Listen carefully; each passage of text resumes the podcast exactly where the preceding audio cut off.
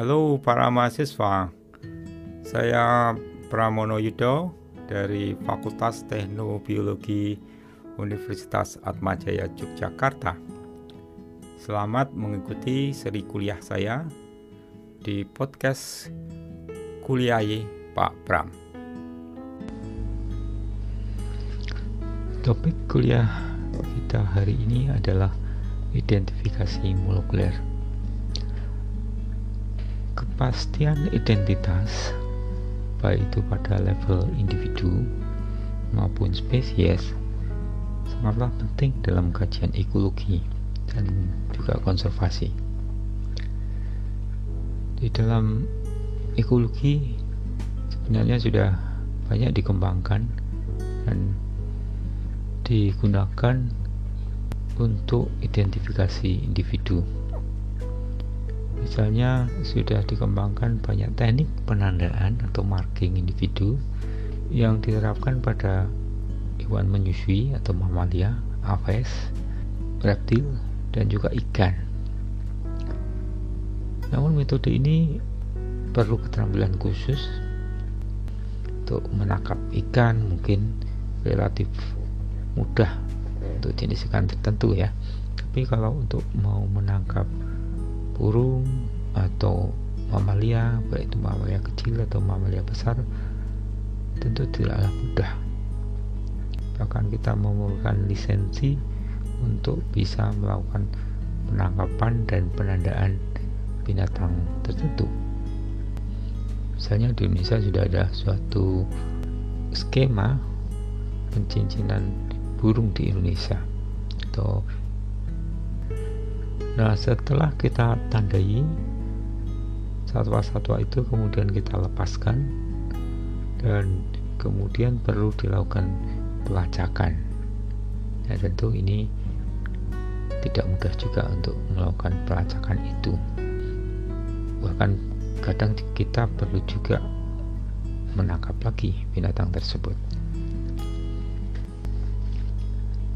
Nah, untuk pada level spesies yang pada umumnya sekarang banyak menggunakan karakter-karakter morfologi.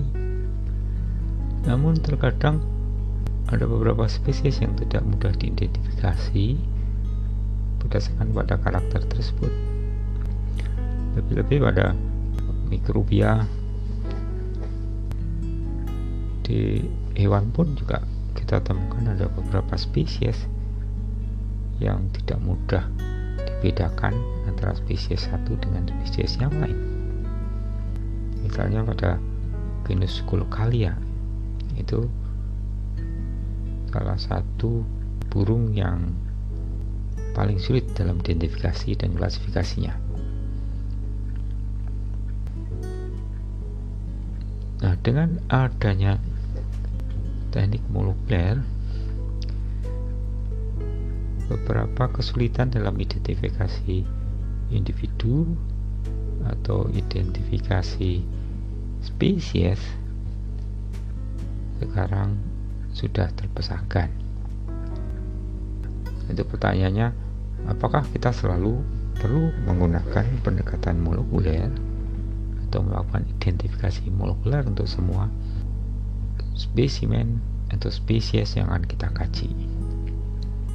Ya kembali tentu kebutuhan atau penggunaan teknik ini tergantung pada tujuan penelitian dan juga tergantung pada kondisi spesies yang kita amati. Kalau memang sudah jelas secara morfologi itu bisa dibedakan ya, teknik molekuler tidak dilakukan juga tidak apa-apa gitu ya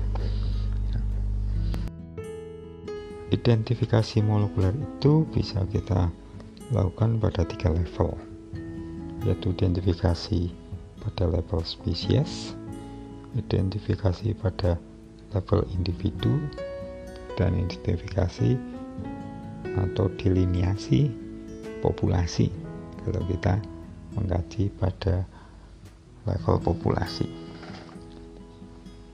Oke, kita akan mulai dengan yang pertama yaitu identifikasi spesies. Nah, pendekatan molekuler untuk identifikasi spesies itu baru pada akhir tahun 60-an ya.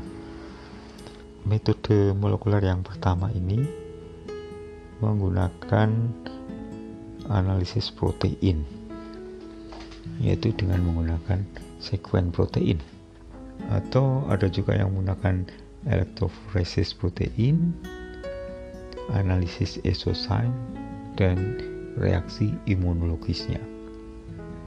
Misalnya saja ada penelitian yang dilakukan oleh Rasin dan Roden pada tahun 1967 itu menggunakan elektroforesis akrilimida gel untuk identifikasi mikroplasma dan mikroorganisme lainnya.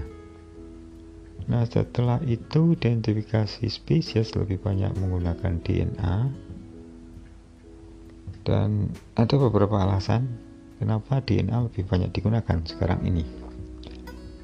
Menurut Parera, ada tiga ciri DNA yang menjadi dasar kenapa DNA sangat bermanfaat dalam identifikasi molekuler pada level spesies. Yang pertama, DNA itu merupakan molekul biologis yang sangat stabil dan berumur panjang. DNA bahkan bisa kita peroleh dari materi biologis yang telah mengalami tekanan, seperti produk makanan yang sudah terproses, tanaman yang diawetkan, atau pecak darah yang kita temukan di lingkungan, itu bisa kita gunakan sebagai sumber DNA.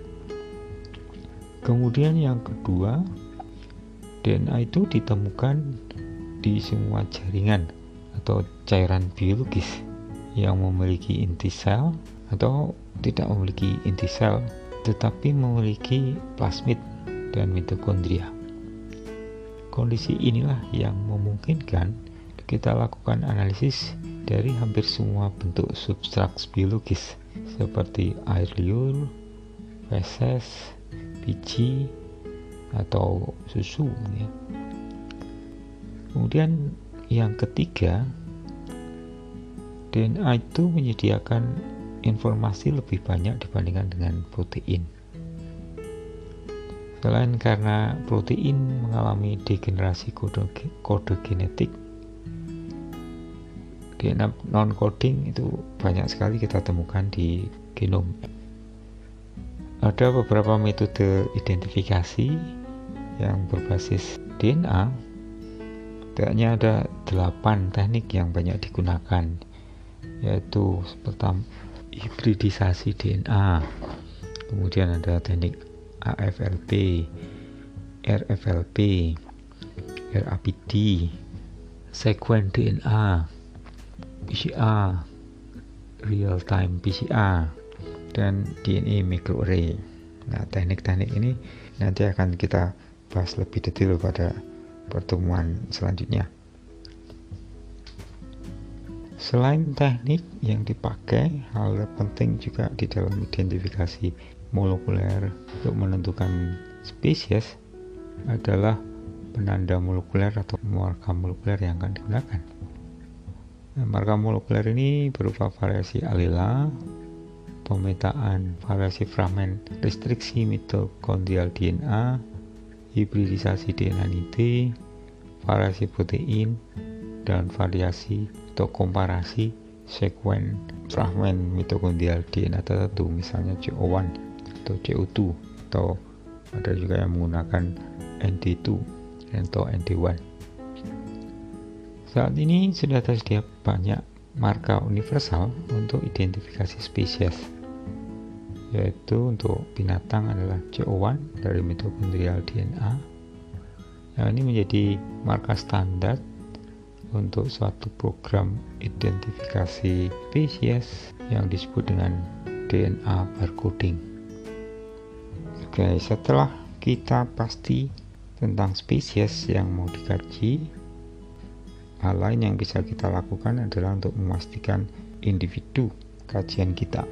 Identifikasi molekuler pada level individu bisa kita gunakan untuk menentukan jenis kelamin misalnya atau ingin mengetahui kerabat suatu individu dengan yang lain atau analisis kekerabatan atau ingin mengetahui tentang tingkat reproduksi sehingga kita harus mengetahui jantan itu telah menghasilkan berapa keturunan, berapa anak. Atau kita bisa juga ingin mengetahui individu itu berasal dari mana atau asal usul individu dalam populasi itu dari mana. Kemudian kita kenal ada istilah assignment test. Jenis kelamin pada satwa itu tidak selalu mudah diamati secara langsung ya. Karena ada beberapa binatang yang antara jantan dan betinanya itu sulit dibedakan. Baik itu dari sisi morfologi ukuran misalnya atau pola warna bulu atau rambutnya. Satwa itu biasanya disebut dengan monomorfik ya terkait dengan ukuran atau monokromatik atau karena terkait dengan warnanya. Nah sementara untuk satwa-satwa yang ada perbedaan antara jantan dan betina itu disebut dengan dimorfik. Pada satwa ini terkadang juga spesies dimorfik pada tahapan tertentu misalnya pada saat anak atau bahkan sampai remaja tidak mudah juga untuk membedakan antara jantan dan betina. Jadi jantan dan betina baru mudah dibedakan ketika sudah dewasa. Nah oleh karena itulah diperlukan metode-metode lain untuk mengidentifikasi jenis kelamin. Salah satunya adalah dengan pendekatan molekuler dikenal dengan istilah molecular sexing. Kajian jenis kelamin itu sangat penting untuk melihat bagaimana struktur populasi terkait dengan rasio jenis kelamin atau seks rasionya dan yang akan menentukan dinamika populasi di suatu daerah.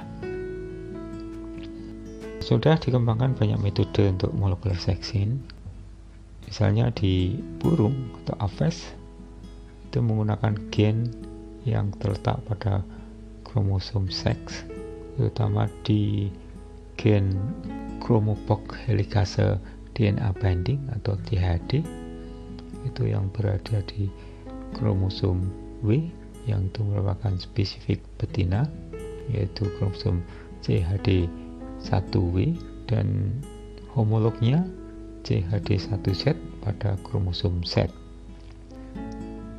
Gen CHD ini telah terbukti bisa digunakan untuk penentuan jenis kelamin pada semua jenis burung.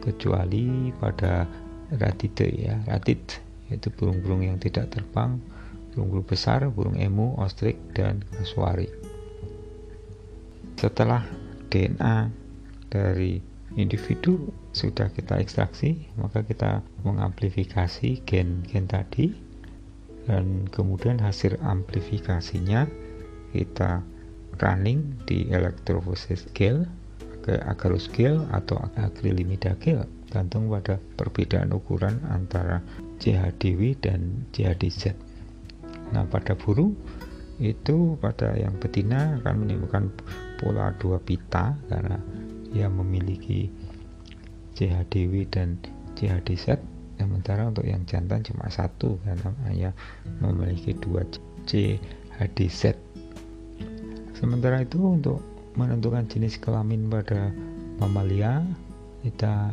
menggunakan gen SIR pada kromosom Y. Yang ini merupakan gen spesifik pada mamalia yang jantan.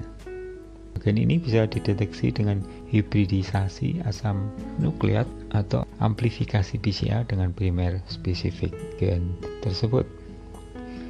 Pendekatan ini sangat penting untuk menentukan jenis kelamin terutama pada mamalia laut, cetacean, karena dengan pengamatan langsung sulit dibedakan. Demikian topik kuliah kita hari ini. Sampai ketemu di sesi-sesi kuliah selanjutnya.